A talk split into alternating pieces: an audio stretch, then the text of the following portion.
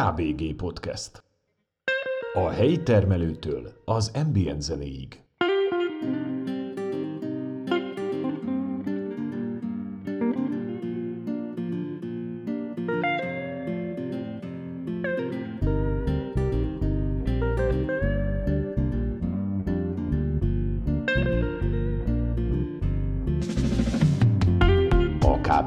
Podcastet megtalálod az Apple Podcasten, a Google Podcasten, a Spotify-on, a Podbean-en, vagy akár a YouTube-on is. Csak írd be a megfelelő keresőbe, hogy K.B. G. Kösz, ha hallgatsz! Sziasztok! Én Kolozsi Borsos Gábor vagyok, és ez itt a KBG Podcast. Mostani adás vendége tanárnak tartja magát, de közben iskolaigazgató is. A Gyergyó Szent Miklósi Salamon Ernő Gimnázium tótum faktumja. Még. Ebben az adásban iskoláról, a kommunizmus kulturális és egyetemi életéről, szorványmagyarságról és még sok minden másról beszélgettünk.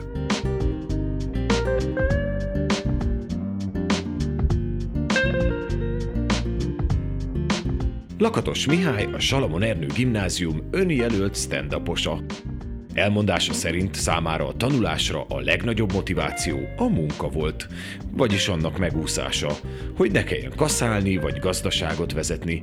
Az édesapja mindig becsületesen bevezette a gazdasági munkát, hogy a gyerek okuljon, mi lesz, ha nem tanul.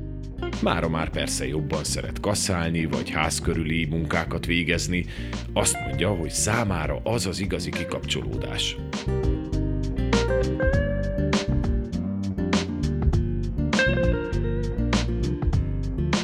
Hogy hogyan csöppen egy gyerek egy alsórákos nevű kis községből a Kolozsvári Egyetemi Kulturális Életbe, na erről szól ez a másfél órás beszélgetés első része. Misi mesél. Katonaságról, segesvári évekről, tanárokról, zenéről, színházról, táncról, és nem mellékesen fizikáról és matematikáról. Kemény felzárkózásról, sok tanulásról és kikapcsolódásról. Hogy miért inkább a fizika és nem a matek? Pedig neki a matek ment jobban.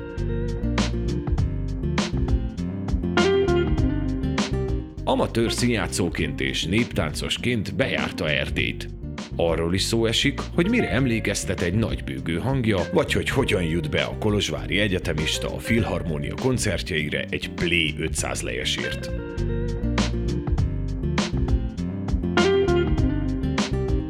Fogadjátok szeretettel a Gyergyóiak Lénárt Fülöpjét, a tanárok Hatházi Lászlóját, a Salamon Ernő Gimnázium fizika bolondját, Lakatos Mihályt.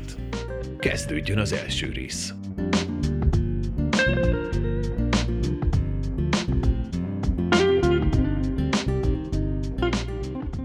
Amikor össze akartam hozni az interjút, azon gondolkodtam, hogy én hogy fogom mondani, hogy tanár úr vagy igazgató úr. Mióta az igazgatója a Salamon Ernőnek? A tizen, ez a 17. esztendő. És minek definiálja most magát, vagy mit szeret jobban? Azt, Hát- hogyha azt mondják, hogy tanár, vagy hogyha azt mondják, hogy igazgató? Hát én azt szeretem, hogy tanár, mert én az vagyok. Az igazgatóság az csak úgy lett belőlem, de az meg fog szűnni, de a tanárság az nem. Aha. Úgyhogy én igazából én tanár vagyok. Tehát azt is szereti jobban, hogyha azt mondják, hogy tanár, vagy Sőt, azt szeretem. inkább azt. Azt szeretem, amikor érettségiztető elnök vagyok, akkor sem szeretem, hogy azt mondják, hogy elnök úr, mert az, az nem nekem való mesterség. Azt megcsinálom két-három hét alatt, és én akkor is újra tanár leszek. Amikor úgy szorítnak, hogy elnök úr, nem is fordulok vissza. Meg szokták kérdezni, hogy szorítsanak, és a legpontosabb az, hogy mis is, akkor az én vagyok százszázalékos. Alsórákoson született, ugye? Igen, Gyerekkoráról egy picit meséljen. Tehát, hogy most nemrégiben még az interjú előtt, előtt mondott egy olyat, hogy a, hogy is mondta, hogy amikor Segesvárra került, akkor egy ilyen aranygyerek volt, tehát akit így nagyon támogatott a család, hogy akkor... hát az egy kicsit bonyolultabb volt a dolog, mert ott végeztem az általános iskolát alsó Rákoson, és szerencsés voltam, mert nagyon jó iskola volt. Tehát minden tantárgyat nagyon komolyan vettek, elkezdve a zenétől matematikáig. ha bár fele a tanároknak Brassóból inkázott, de sokat foglalkoztak velünk. Viszont nem volt olyan magas szintű iskola, mint a Segesvár iskola. Én ott jó tanuló voltam, annak ellenére, hogy olyan sokat nem tanultam, hanem odafigyeltem az órákra, a leckét azt mindig le kellett írja, mert édesapámnak az volt a bányája, hogy mindig megkérdezte, amikor hazajött a bányából, ő a bányából dolgozott, kőbányából, hogy a lecke le van-e írva. És erre csak azt szabott válaszolni, hogy igen, tehát le van írva. És ha én tudtam, hogy ha leírtam a leckét, akkor azt jelenti, rendben vagyunk, és így átviszeltem a nyolcadik osztályig, és aztán kerültem Segesvárra. Milyen gyerek volt a tanár úr? Nem voltam olyan rossz gyermek, szerintem. Nagyon jó falu közösség volt, és ott mindig ott megtaláltam a helyemet. Ez az alsórákos, ez egy nagy falu? Egy község volt, és bányák működtek akkor, tehát viszonylag gazdaságilag is jól állt a falu. Hát én nem voltam olyan nagy gazdag családból származó gyerek, édesapám a kőbányában dolgozott, édesanyám a kollektív gazdaságban. Elég sokat kellett dolgozzak a mezőn, mondjuk ez ambicionáló tényező volt, mert mindig azért tanultam, hogy ne kelljen a mezőn ne kelljen a mezőre, mezőn dolgozzak. Most oda jutottam, hogy most szívesen dolgozok a mezőn, tehát változtak a dolgok. Tehát a lényeg az, hogy én, én tanítói pályára készültem már olyan hatodik, hetedik osztályos koromban, talán még kisebb koromban. Ez annak köszönhető, hogy a, az utcánkban volt két lány, aki a, abban az időben a, az udvarhelyi tanítóképzőben járt. És ők azzal szórakoztak, ilyen, ilyen született tanítónők voltak, hogy minket kisebb gyerekeket összegyűjtöttek a faluba, és egy csűrbe berendeztek egy ilyen kicsi osztálytermet, és akkor minket tanítottak ott. Ah. De nagyon komolyan ah. vették a mesterséget, és akkor... És volt, aki járt is ebbe az iskolába? Persze, persze, olyan kedvesek voltak, meggyőztek, hogy menjünk az iskolába, hát nyáron ott játszottunk. És ott rendesen tartották az órákat, csak akkor mindig elgondoltam, milyen jó nekik, mert ők tanítnak, és én ott kell üljek a csűrbe a padba. Jó mesterség. Édesapám is tanító akart lenni, csak nem sikerült. És akkor eldöntöttem, hogy a tanító képzőbe De ez innen indult, hogy, hogy vagy ide eredeztethető vissza, hogy, hát, hogy akkor megkívánta, vagy? Igen, igen, és láttam, hogy ez jó mesterség. Akartam asztalos is lenni, de az, az nem jött össze, mert soha egy gépünk nem volt otthon. A... egy, valami rossz fűrészünk, vagy két kalapács, ennyi volt az egész. Tehát ott, ott nem tudtam kiélni magamot. És, akkor a tanítóképzőbe kellett, emlékszem, zenéből felvételizni, és akkor járottak zongoraórára. Volt egy idős papnéni, aki ott maradt a faluban, és abból élt, hogy jártunk zongoraórára. Sokan jártunk a faluból, és nem is volt olyan... Zenész falu lett így? Hát a harmonikások azok lettek jó sokan a faluba. Én nem csiszoltam annyira ki magamat, de ugye aztán később nem gyakoroltam. De jól tudom, hogy a tanár úgy játszik azért a tangoharmonikán. A tangoharmonikán igen, úgy ahogy így, így, amikor zenetanár van a környékben, akkor nem, de amikor így mulatságban vagyunk, és ott már ott nem a mulatság kezdetén vagyunk, akkor már merek, merek harmonikázni és zongorázni. De ez már akkor gyerekkorban tanultam már? Igen, akkor mhm. jártunk. Akkortól... Akkor jártunk egy darabig zongorórára. Emlékszem, egy zongorórának az ára egy tojásnak az ára volt, vagy egy tojást vittünk a papnéninek, vagy egy lehet. Hát alapvetően akkor ez egy elég olcsó, elég olcsó, elég olcsó művészeti felkészítő volt. volt. Végül aztán meggyőztek, hogy Segesvára menjek, azt mondták, hogy több türelem kell egy tanítónak, mint tanárnak. Aztán végül úgy kerültem Segesvára a középiskolában. Alsó Rákoson én nem jártam, de azért ugye a térképen utána néztem, azért ez egy elég eldugott falu. Tehát, hogy ott hát, Brassótól nem messze, egy ilyen hegyek közötti, egy ilyen kisebb medencében lévő falu, ugye? Vasútvonal mentén van, Brassó és Segesvár között pontosan a félúton. Tehát uh-huh. 60 km Brassó, 60 km Segesvár. Tehát egy letérő Brassó-Segesvár főútról egy ilyen letérő úton kell bemenni 8 kilométert, és ott van a falu. A Felső Rákos a szomszéd falu, de egy darabig nem is lehetett átmenni, mert nem volt út tehát akkor ez egy alapvetően ez egy elszigetelt falu hát volt? annyira, igen, igen. Tehát... Ez hatott ki a tanár úrra valamilyen módon, hogy, ez, hogy ilyen elszigetelten voltak? Hát nem, mert például amikor udvaroltunk Rákos, akkor biciklivel fel lehetett menni, tehát tartottuk a kapcsolatot, vagy vonattal a szomszéd falukba el lehetett menni. Ja, mert hogy a vasútvonal, vasútvonal miatt azért volt, volt. És nagyon sokat, hát főleg Brassóba jártunk amikor kinőttem egy-egy kosztümöt, akkor vagy Brassóba, vagy Barótra mentünk. Barót is. Bar, Barót is ott van. Barót is ott vonattal fel lehet menni a legközelebbi községig, és onnan pedig gyalog. Brassót ismertem jobban, Alig vártam, nőjek ki egy kosztümöt, akkor édesanyámmal mentünk Brassúba. És amikor már Cseperedet már ilyen tínédzser volt, akkor mondjuk mulatni az ember Brassóba járt? Vagy járt Brassóba? Hát Brassóba majd, amikor nagyobbak lettünk, és lakodalmat szerveztek, ilyen nagyobb kiadású lakodalmakat, azt Brassóban tartották, és akkor vonattal ment a falu Brassóba lakodalom. Tényleg? Igen, vagy busszal, de az már középiskolás koromban volt. Máskor a lakodalmakat azt otthon a faluba tartották. De viszont a, a környező falvakkal tartottuk a kapcsolatot, biciklivel jártunk a bálokba, tudtuk, hogy hol, mikor van bál, hozzánk jöttek. Tehát... Mégis hogy lett akkor végül a Segesvár mellett a döntés? Tehát mi volt, mi volt az indok? Hát Brassó lett volna, Igen, csak, csak Brass, Brassóban nem volt bentlakás. Ja, nem volt, nem volt a Brass akkor az Uníria volt a jelenlegi Áprilinek az elődje. Uh-huh. Ott volt magyar tagozat, nem volt bentlakás, akkor maradt Segesvár. Tehát hát lett volna udvarhely is, vagy keresztül, mert a faluból oda is jártak, de abban az időben úgy működött, hogy jöttek és meggyőztek. Tehát akik oda jártak iskolába, hát most is van egy ilyen hatás, hogyha valaki jár iskolába például hozzánk, akkor hazamegy a faluba, elmondja, hogy milyen az iskola, és meggyőzi az ottani a kicsiket, hogy oda menjenek iskolába. Akkor engem a Segesvárjak győztek meg, plusz a tanárok is, mivel Segesvárján félig szórvány környék volt, össze kellett szedni egy jó osztályra való gyermeket, és akkor a tanárok is kiártak. De akkor ez egy magyar osztály volt Segesváron, tehát nem persze, román tagozat persze. volt ez?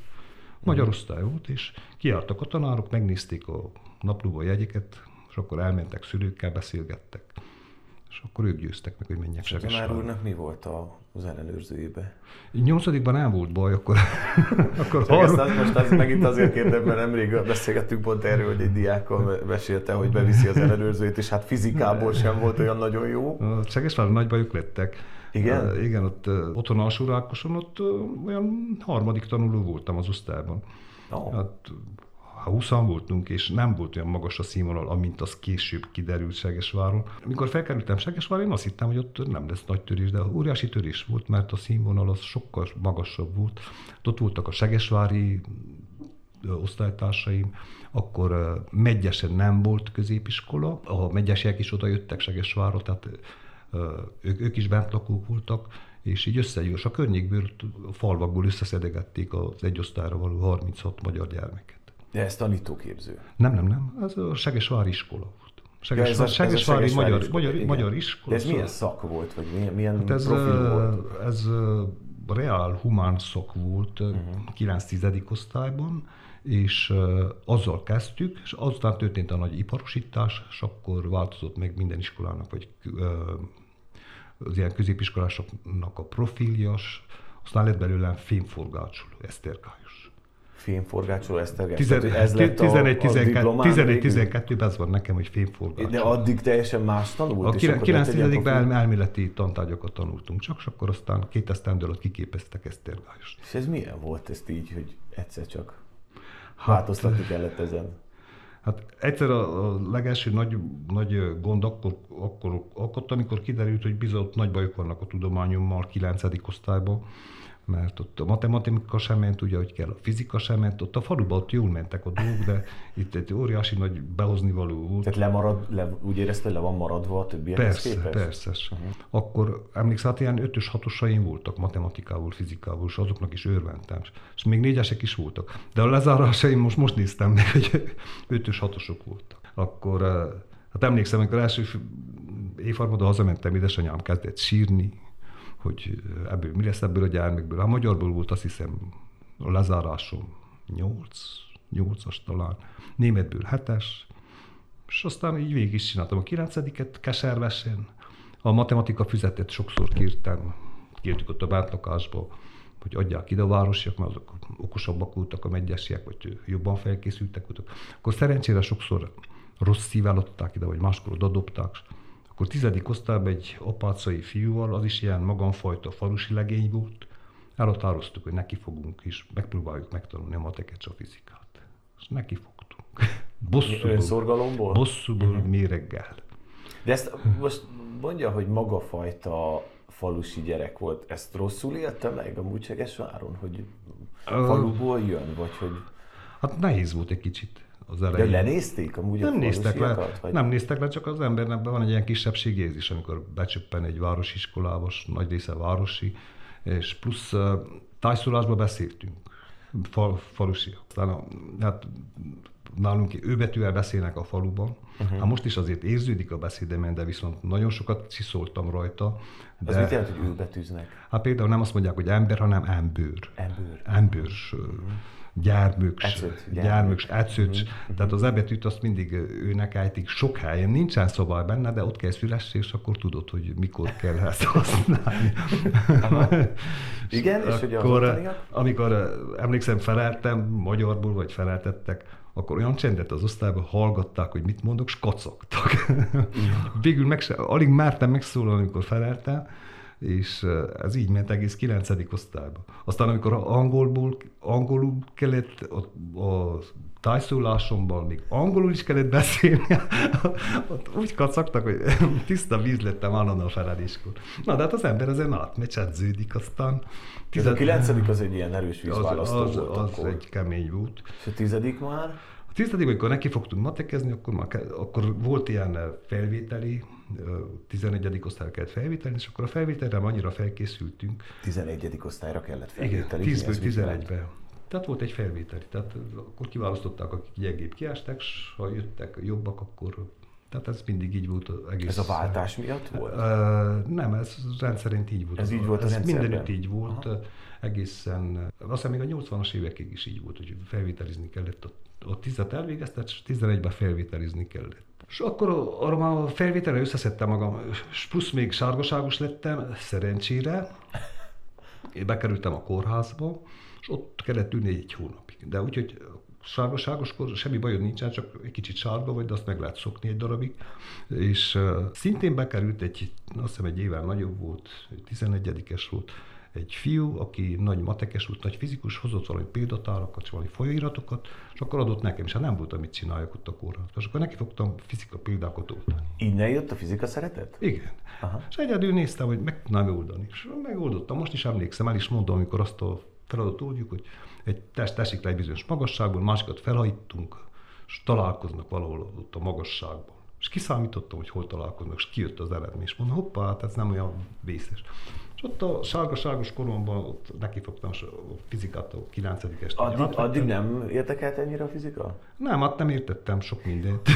Ja. hát nem értettem, és nem tudtam elképzelni, hogy, hogy mi a szépség. De aztán rájött, tehát ez olyan, mint egy, egy gyönyörű keresztrejtvény, egy képleteket összeszedegetett, és akkor megnézed, hogy melyiket használod, és kiszámítod, és kijön az eredmény, és elvégzel egy kísérletet, és ugyanazt történik. És aztán mondom, tizedik osztály végére úgy, akkor már összeszedtem magam, akkor azt hiszem harmadik lettem az osztály, vagy negyedik ilyesmi a felvételin. Uh-huh. És akkor 11. osztályban, akkor már öntudatosan, akkor eldöntöttem, hogy fizikára megyek, és akkor már ment a matek. De akkor kezdődött 11. osztályba kezdődött el ez az esztergályos igen, szak, igen, igen, szakosodás? igen, igen, meg közben szakosítottak. Hát annyi volt, hogy minden hónapban talán egy hetet kellett menjünk a gyárba. Betettek, volt egy ilyen nagy gyár, ilyen fémmegmunkáló gyár.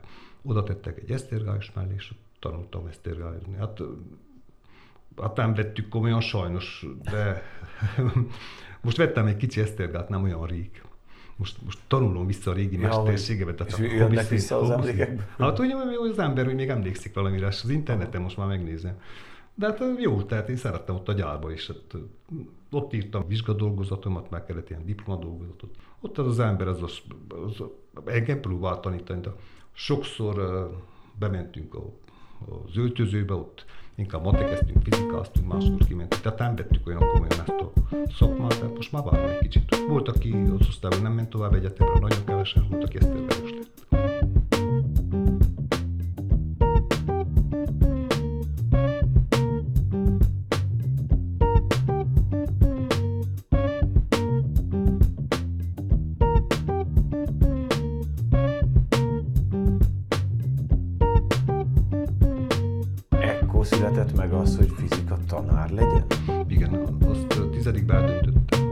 Egész végig annak készültem. Ez, ez nagyon tudatos volt. igen, tehát én megnéztem egy darabig, amikor még kilencedikes ö, olyan gibicerű voltam, akkor otthon összegyűjtötték, mert szegények szüleim ott gondolták, hogy azért valamit csak kéne nevelni a gyermekből, a családnak az okosait, az értelmiségek nem voltak sokan, azok lejöttek hozzánk, hogy na mit csinálnak belőlem. Hát nagy ész kellett hozzá, megnézték, hogy hogy nyolcason a magyarból, és németből hetesen, hát akkor ez nem reál fejű gyermek, legyen magyar-német szakos tanár. És akkor én úgy kezdtem a tizedik osztályt, hogy az leszek. De magyar-német magyar szakos tanár. Hát magyarból jártam olimpiászról, de akkor ez egy, inkább egy családi döntés volt, mint hát a tanárulnak annyira nem... Hát én sem, én sem tudtam jobbat mondani. Hát amikor megnézed, hogy a többiből mind ötös hatosod van, hát akkor nem mondhatod ott a nagy családnak, ott az értelmiségieknek, hogy te fizika tanár akarsz lenni, eszembe se jutott volna.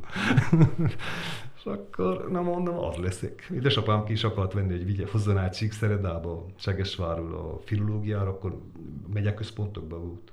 Aztán az akkori aligazgató, az a fizika tanára volt édesapám ott megdorgálta, jól tette. Azt mondta, hogy mit gondol, hogy a segesvári tanárok gyengébbek, mint a csíkszeredők, menjen haza, gondolkozzék. Szegény édesapám úgy megjedett a nagyvárosban, Segesváron, hogy haza, és többet sosem ment vissza. Tudtam, hogy nem megy vissza.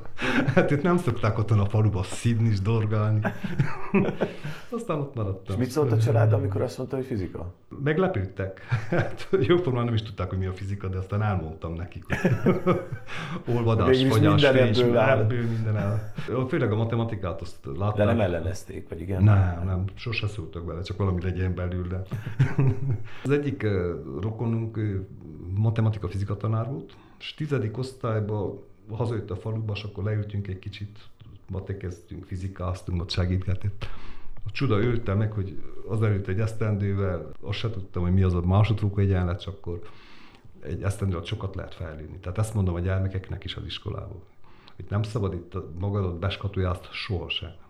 Mert gyakorlatilag bármit megtanulsz, meg tudsz tanulni, rengeteg mindent meg tud tanulni az ember, csak kell legyen egy húzóerő, kell legyen egy ambíció, kell egy elhatározás. Uh-huh. Mert a fizikus, a matematika, ez soknak ilyen borzalmas dolgoknak tűnnek, de ha az ember kezdetektől indítja, sok ilyent ismerek, hogy kezded a zérótól, és megnézed a szépségeit, érted, szerintem ezt a két tartályot bárki meg tudja tanulni. Ilyen is, hogy humán bárítottságú vagyok, vagy reál.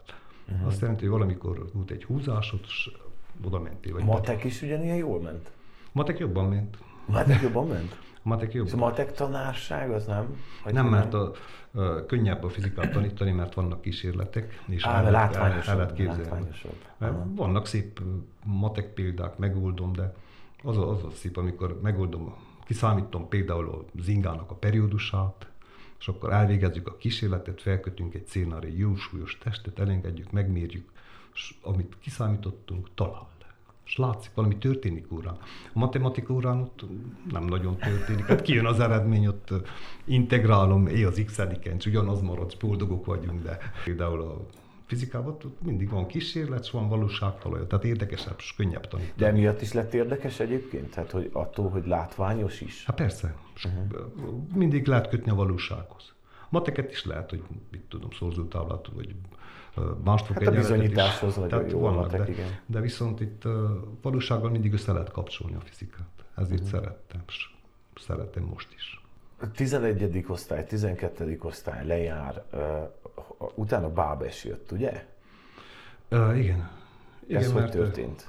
Kolozsváron azt hiszem egyszer, egyszer jártam az előtt, elvittek kirándulni. Mert még, még a Segesvári évekről az ott nagyon értékelendő, hogy nagyon-nagyon sokat foglalkoztak velünk. Uh-huh. Tehát, Tehát jó tanárokkal Jó tanárokkal, és ők rá voltak utalva arra, hogy itt ebben az iskolában itt keményen kell dolgozni, mert azokból a falvakból kell a következő gyermekanyagot majd a nyolcadikosokból összeszedni, amilyen lesz a 12-es végző, végző évfolyam. Én emlékszem, amikor jártak falura a tanárok, azt mondták, hogy ha ez a gyermek rendesen tanul, egyetemet fog végezni. És ezt a falun, amikor elmondták a szülőknek, akkor itt ezt kellett bizonyítani. Tehát ők rengeteget foglalkoztak velünk, és, de nem csak így reál téren, vagy nem csak iskolai téren, hanem hát három felvonásos szín, színdarabban játszottunk. vagy... Á, tehát volt, volt diákszijátszó korszak Hogyne. is. Aha. Hát, Ez akkor Mircea Eliade volt. Akkor, Ez a Mircea. Eliade liceum, akkor nem, akkor azt hiszem a kettes számú Ja, ipari, ipari neve, liceum igen, belőle, volt Real Human li, liceum, azzal kezdtük, aztán lett uh, ipari liceum, és aztán amikor rájöttem, aztán lett Mircea Eliade. De mondom, volt színjátszó csoport, Tehát jó diák élete is volt? Persze, azon túl, hogy persze. jó tanárai Persze, voltak? nagyon sokat gondoskodtak erről. Román-magyar viszonya milyen, milyen volt ott? Mm, Nem, volt, Akkoriban? hát kisebbségben voltak a magyarok, mert uh, Igen. azt hiszem ez, ez az iskola ez vegy- vegyes tannyelvű volt. Úgy tudom, hogy volt két román osztály és egy magyar osztály, de nem volt gond. Nemzetiség gond. A németek azok már kevesebben voltak. A bentlakásban ott még voltak németek akkor, mert a német bentlakásban laktam. Az mondjuk az nem is ártott, mert ott szigorúságot és fegyelmet az ember megtanult a A, né- németekről. a német vegye. Jó, Istenem, ott olyan rendbe kellett hagyni az ágyat, azóta se, se hagyom olyan rendbe. És, De hogy a, a, német, tehát a német diákokkal milyen volt a viszony? ö, Szeret fel németet például a tanár úr? Nem, mert mikor akartunk velük németül beszélgetni, velünk nem nagyon beszélgettek németül. Nem. Csak egymás közt. Csak, csak románul beszélgettek velük egymás közt. Hát a németet azt komolyan vették az iskolába, mint tantárgy. Tehát amit németet tudok, és még azután, amit fejlődtem, azt a Segesvárnak köszönhetem. És ahogy szigorú tanárok voltak. Hát volt az iskolának zenekara, emlékszem. Akkor volt uh, színjátszó csoportja, és uh, komoly színjátszó csoport volt. Tehát amit csináltak Segesváron, én sok mindent itt Gyergyóban felhasználtam. Szavaló verseny akkor volt, de kicsibe volt a szavaló verseny, csak iskolai, vagy a színjátszó csoport, táncsoportunk volt ott. Uh-huh. És uh, hát három felvonásos játszottam a nagyegyedi két fűzfába.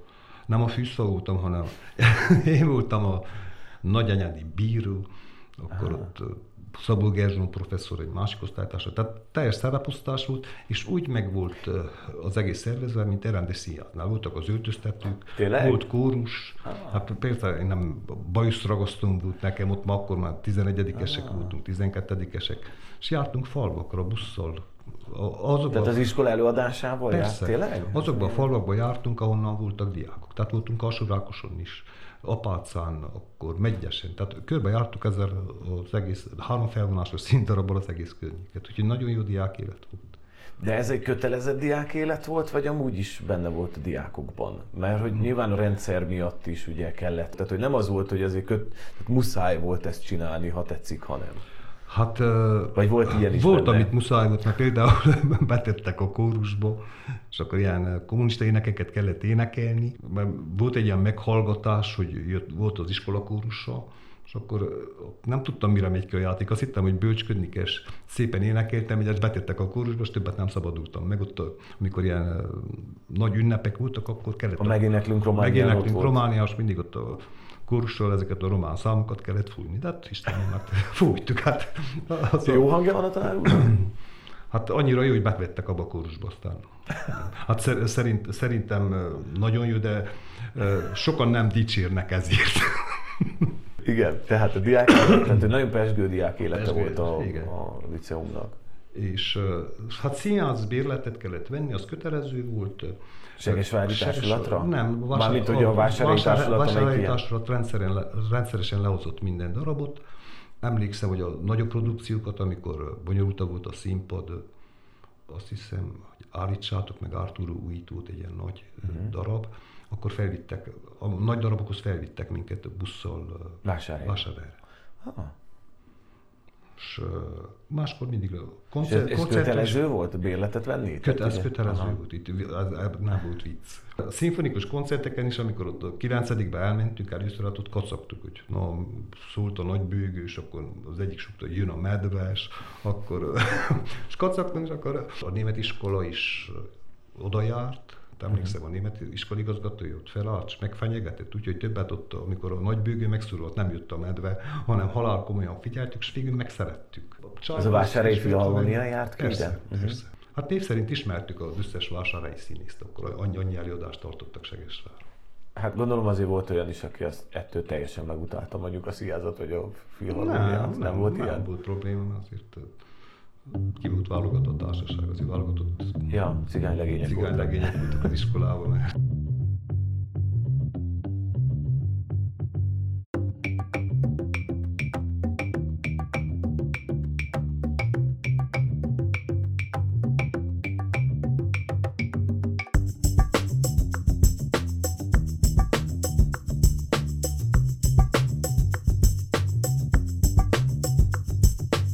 No yeah. Akkor a, a liceum után jött a Bábes Kolozsvár. Ez hogy történt? A, tehát tudtam, hogy a Fizika Egyetemre megyek, közben még beszél, beszéltem olyanokkal, akik szintén a Fizika Egyetemen voltak, és akkor ott kezdődött, hát bejutottam az egyetemre, na de ott is megint úgy kezdtük, mint a 9. osztályt Segesváron, Hát én azt hittem, hogy fizikából én jó vagyok, de kiderült. Azt hittem, hogy elég az, amit, amire rákészült. Igen, most már, most már feltornáztam magamat a csúcsra. Hát már a katon... Hogy lehet fizikából, most csak egy pillanat felmerült bennem a kérdés, hogy lehet valaki fizikából jó vagy gyengébb? Tehát, hogy azt vagy tudja az ember, vagy nem tudja az ember? Hát, ha van a fizikának sok ágaboga van. Tehát elkezdve a mechanika, mondjuk az az egyszerűbb dolog, hogy így fokozódik. Elektromosságtan, akkor már... Miben volt erős a Hát én így általánosan mindenből hmm. egy bizonyos szintet ütöttem, de például ilyen mélységeiben nem foglalkoztam atomfizikával, vagy atommagfizikával, de olyan évfolyamtársaim voltak, akik nemzetközi olimpiászokra jártak. És azok csak azzal foglalkoztak, és belásták magukat. Már a katonaságnál kiderült, mert mikor bejutottunk az egyetemre, akkor rögtön elvittek katonának Mária Radnára, egy ilyen tisztiskolába vittek. Valamikor tisztiskola volt, és átalakították rövid lejáratú katonaság, 8 hónapos katonaságra. És ilyen tisztiskola program szerint képeztek ott ki minket. Ez miből állt? Ez jó volt, mert délutánonként, minden délután volt ilyen, úgy nevezték, hogy egyéni tanulás, vagy studio individuál, tehát meg kellett tanulni ezeket a katonai szabályzatokat, a rádióknak a felépítését, rádióknak a működését. Tehát képezték ki konkrétan hát igen, a... Hát igen, mindenkinek... mindenkinek... Hogy kerül az ember oda? Egyből? Direkt szétozták, de mindenki, aki egyetemen volt, és elvégezte a 9, 9 hónapos ja, tehát az iskolázottság. 9, igen, 9 mhm. hónapos katonaságot, aki elvégezte, az azt hiszem nagyi fokozatba végzett. És az egyetem után vissza kellett menni még két hétre, egy két hetes kiképzésre, és akkor megadták a hadnagyi fokozatot. Úgyhogy most én jelenleg egy tartalékos hadnagy tartalékos vagyok. Hadnagy. Tartalékos hadnagy vagyok. Mit jelent a hadnagy? Tehát, hogy az, az mi, mit, miben merül ki hát, az, hogy valaki hadnagy? Vannak az artisztek. Ezt én sem tudtam volt egy kicsi altiszt, és azt hittem, hogy az a kaszárnya parancsnok, én annak mindig köszöntem, de olyan hűségesen, és kiderült, az, az a legkisebb. Ilyen táblák voltak rajta, az a tizedes, Aha, ez a tizedes, vagy mit tudom, szaka, igen, és akkor van, van, van szakaszvezető, azok voltak a hadnagyok, akkor az, a fölött voltak a kapitányok, őrnagyok, tehát a hadnagy az a kapitánynál kisebb. De mi a feladata egy hadnagynak? Hát például a keze alá adnak 30 embert egy szakasz, akkor a hadnagy vezeti azt a szakaszt. Hogyha három, legalábbis így emlékszem, három szakaszból létre szoktak hozni egy századot, és azt már egy kapitány vezet, akkor vagy egy űrnagy, és így félfele. Aztán, na. na. de én, megáll, én, meg, én megálltam a hadnagyi rangnál, van, azt mondták, hogy egy darabig izgattam is magam, hogy betalálnak hívni a háborúba, de vagy két év, vagy három éve kaptam egy papírt, mert tartalékosokat szokták nézni, hogy mit csinálnak, hol vannak, aktualizálják. Én is kaptam egy papírt, hogy menjek el, mert szüksége van a hazának rám, mondom, akkor nagy baj van. De amikor megmondtam, hogy 50 évenél nagyobb vagyok, is azt mondták, Tehát hogy... behívták a tanár urat? Hát igen, ezt, ezt rendszeresen nyilván tartják most is azokat, akik katonai kiképzésben részesültek. Na de úgy vettem észre, hogy az országnak már nincs szüksége rám. Legalábbis ez Most már 60 évet betöltöttem, uh-huh. most mhm. már Ja, és akkor tehát az ember elírja az 50 évet, akkor onnan azt mondják, hogy azt mondjuk mondták, nyugdíjazzák, mondjuk így, igen, hogy a hadseregnél nyugdíjazzák. Tehát már, már nem, nem tartnak kép, képesnek, vagy nem tartnak igényt rám, hogy hogy én a háborúban megvédjem a hazát. Hát van nekem egy rend vadonatúj egyenruhám Brassóban, mert amikor elvégeztük az egyetemet, akkor mindenkit behívtak a megyeközpontba, hogy a tartalékos egyenruhát elkészítsék, megmért egy szabó, bevittek egy akkora terembe, egy nagy tornaterem, ott rengeteg válfa volt felakasztva, és mindenkinek, aki tartalékos tiszt, annak egyenruhát készített egy vadonatúj szép egyenruhat. Csak én nem láttam soha, mert én addig gondoltam, hogy megmértek, ja, és, és akkor feltették, a, ott van, van valahol, nem tudom, be kellene menjek, nézzem meg, hogy adják nekem, mert most már úgy sem tudom használni. Írja rajta, hogy De lapot, egyébként ez egy elvihető ruha volt? Vagy? Rendes ruhát adnak, hogy amikor ha véletlenül háborúba kell ja, menni. Tehát nem otthon nem, nem lehet otthon, vele jaj, Nem, úgy van. Hogy hát az ajándék még most is. ez de be van téve, írja rajta, hogy Lakatos Mihálynak hadnagyi egyenruha, de abban még gondolom senki nem volt felültözve. Tehát ahogy elindult az egyetem, onnan került katonának, Igen. és vissza az egyetemre? Igen. Vagy lehetett mellette a kettőt csinálni? Nem lehetett a Nem, nem, nem. A lányok csinálták ők. Minden nap egy, akkor a lányok egy héten katonáskodtak. Egyetemista korunkban. Ők akkor végezték a katonaságot. De mondom, onnan indultunk el, hogy a katonaságnál akkor már kiderült, ott a fiúk együtt voltunk, hogy hogy ott a fizikával ott még sokat kell foglalkozni, mert ezek, a, akik nemzetközi olimpiászokra jártak abban az időben, hát olyan évfolyamtárson volt, hogy a katonaságon alatt ott volt időnk olvasni rengeteget. Bekért könyveket otthonról, és a bátyja, aki szintén a fizika egyetemen volt, beküldte a harmadéves kvantummechanika könyveket, mert ő már azon a szinten volt, tehát az első másodévet már, mint a fizika egyetemen kellett tudni, őt már átvette, úgyhogy ilyenekkel kellett versenyezni, hát ezeket nem is lehetett legyőzni, de nem is azért mentem oda, hogy nehéz volt, főleg az első, mert akkor meg kellett szokni azt, hogy rövid idő alatt nagyon sokat meg kellett tanulni. Tehát újabb versenyhelyzetbe Tehát került. Újabb versenyhelyzetbe került. Mert az első jegyem az egyetemen az hatos volt. Annyit tanultam algebrából, hogy életemben soha annyit, de akkor nem is volt szerencsém, akkor az óra koppintás volt, mert 50, emlékszem 50 tétel volt, 49-et megtanultam, és az 50-re ránéztem, és mondtam, ez könnyű, ezt emlé- erre emlékszek, és pont azt kaptam, és nem emlékeztem rendesen. aztán valahogy kiküzdöttem egy hatost. És aztán aztán jött egy 9-es analízisből, és így szér, aztán Lassan felépült. Lass, lassan felépült. A diák évek milyenek voltak Kolozsváron? Kolozsváron? Jaj, hát az, azok nagyon jók, az szuper út ott is. Uh, ott, a, ott egy másik nagy szerencse, és ez általában az egyetemekkel ez szerencse, hogy nagyon sok erről összegyűlnek a hasonló érdeklődési emberek, és viszik mindazt, a, mit az iskolájukban ott tanultak, vagy a hagyományokat, amelyeket minden iskola valamiben erősült. Én emlékszem, hogy Segesvári iskola jó volt, hát ott törekedtünk, de viszont például az udvarhelyek sokkal erősebbek voltak sok mindenben. Vagy a kolozsváriak, akkor a marosvásárhelyek, a bolya is sok tehát mindenkinek volt valami erőssége. Erősebb iskolákból jöttek. Erősebb iskolából, mm. meg voltak az erősségük. És akkor együtt laktunk, és együtt jártunk minden és akkor az ember ez hatott ott is. Hogy, tehát ha volt egy koncert, akkor ott ment tömegesen az mindenki. Ha volt egy előadást, nem értettük, akkor mit tudom én, értették, az udvariák és elmagyarázták. Tehát, mind, tehát minden, sok, sok fajta ember összegyűlt sok iskolából, és akkor ebből tanultunk sokat mert mondjuk egy könyvből meg lehet tanulni a fizikát is, ha jó professzorod van, akkor még jobb, de ha nem, akkor is meg tudod már tanulni.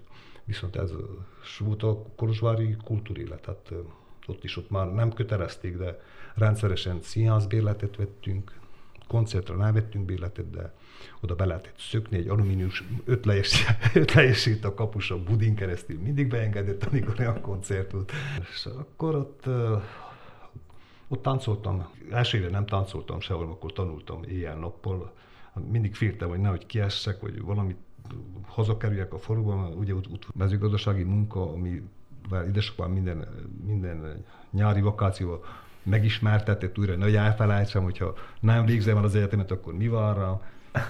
akkor, ez egy ilyen elrettentő példa volt Ez mindig, mindig az volt mm-hmm. nekem. De nagy gazdaság volt egyébként ott? Nem, a kollektívában ja, a kollektívában. dolgozni, vagy ott voltak állatok, otthon sornak színát csinálni, vagy színát csinálni állatásra, mert az, az öcsém is egyetemet is végzett, és akkor középiskolás volt, csak pénzt azt ki kellett valós keresni. Nem volt baj, mert izmosodtunk, jó erősek voltunk ebből kifolyólag.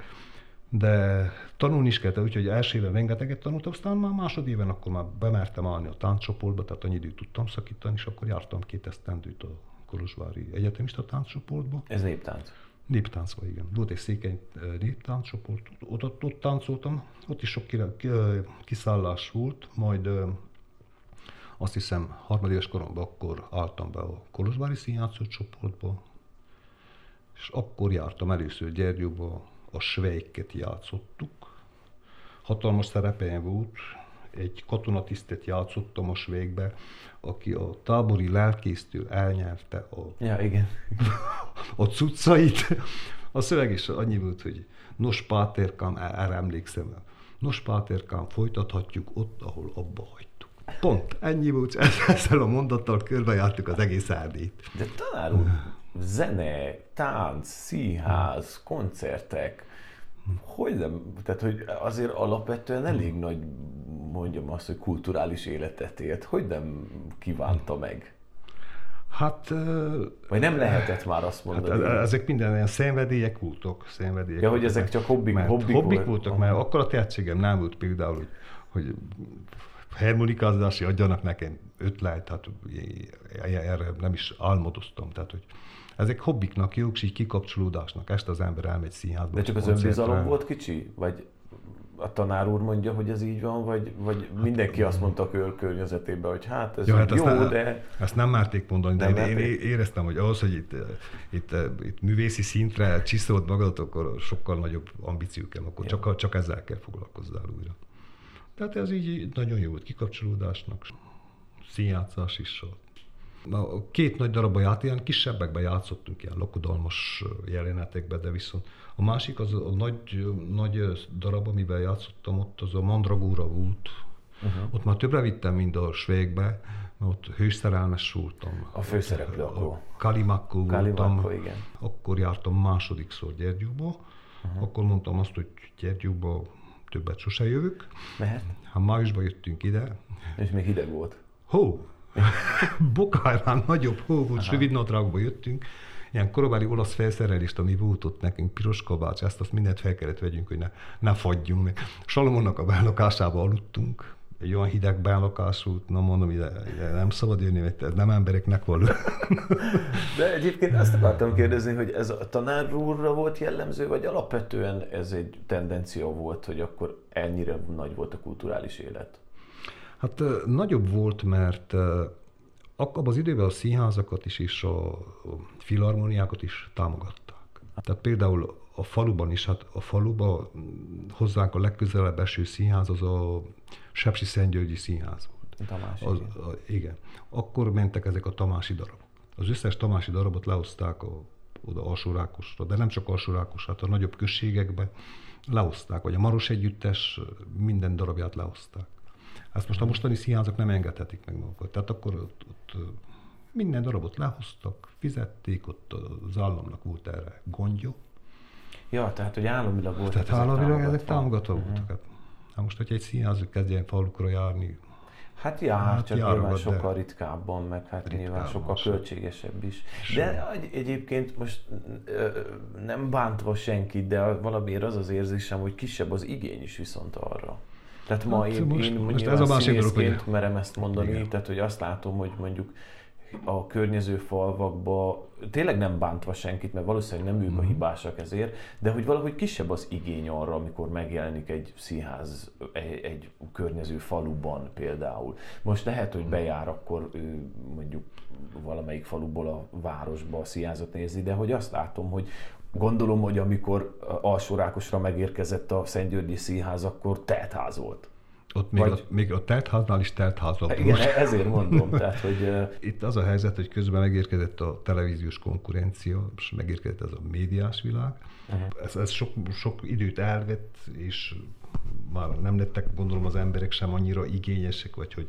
Mert én például nekünk volt egy Dacia televíziónk, emlékszem, az egészen a 80-as évekig. Jól mondom? Nem, 90-es évekig. Az a televízió többet tud elromolni, mint amennyit ment, de nem hiányzott. Tehát a tévét... mondjuk nem is volt nagyon, amit nézni. Nem volt, amit nézni. Tévét nem néztünk, akkor a színház az, az hatalmas dolog volt. Uh-huh. Vagy koncerteket is, hát ott azt Segesváron jártunk, úgyhogy uh-huh. ott, ott, tehát ez nagy hiánypótló volt a kultúrában annak idején, ezek a kiszállások, a színházak. Ja, akkor nem volt valószínűleg más választás. Nem volt más, hát ez nagy dolog volt, amikor jött a valamelyik színház a faluból.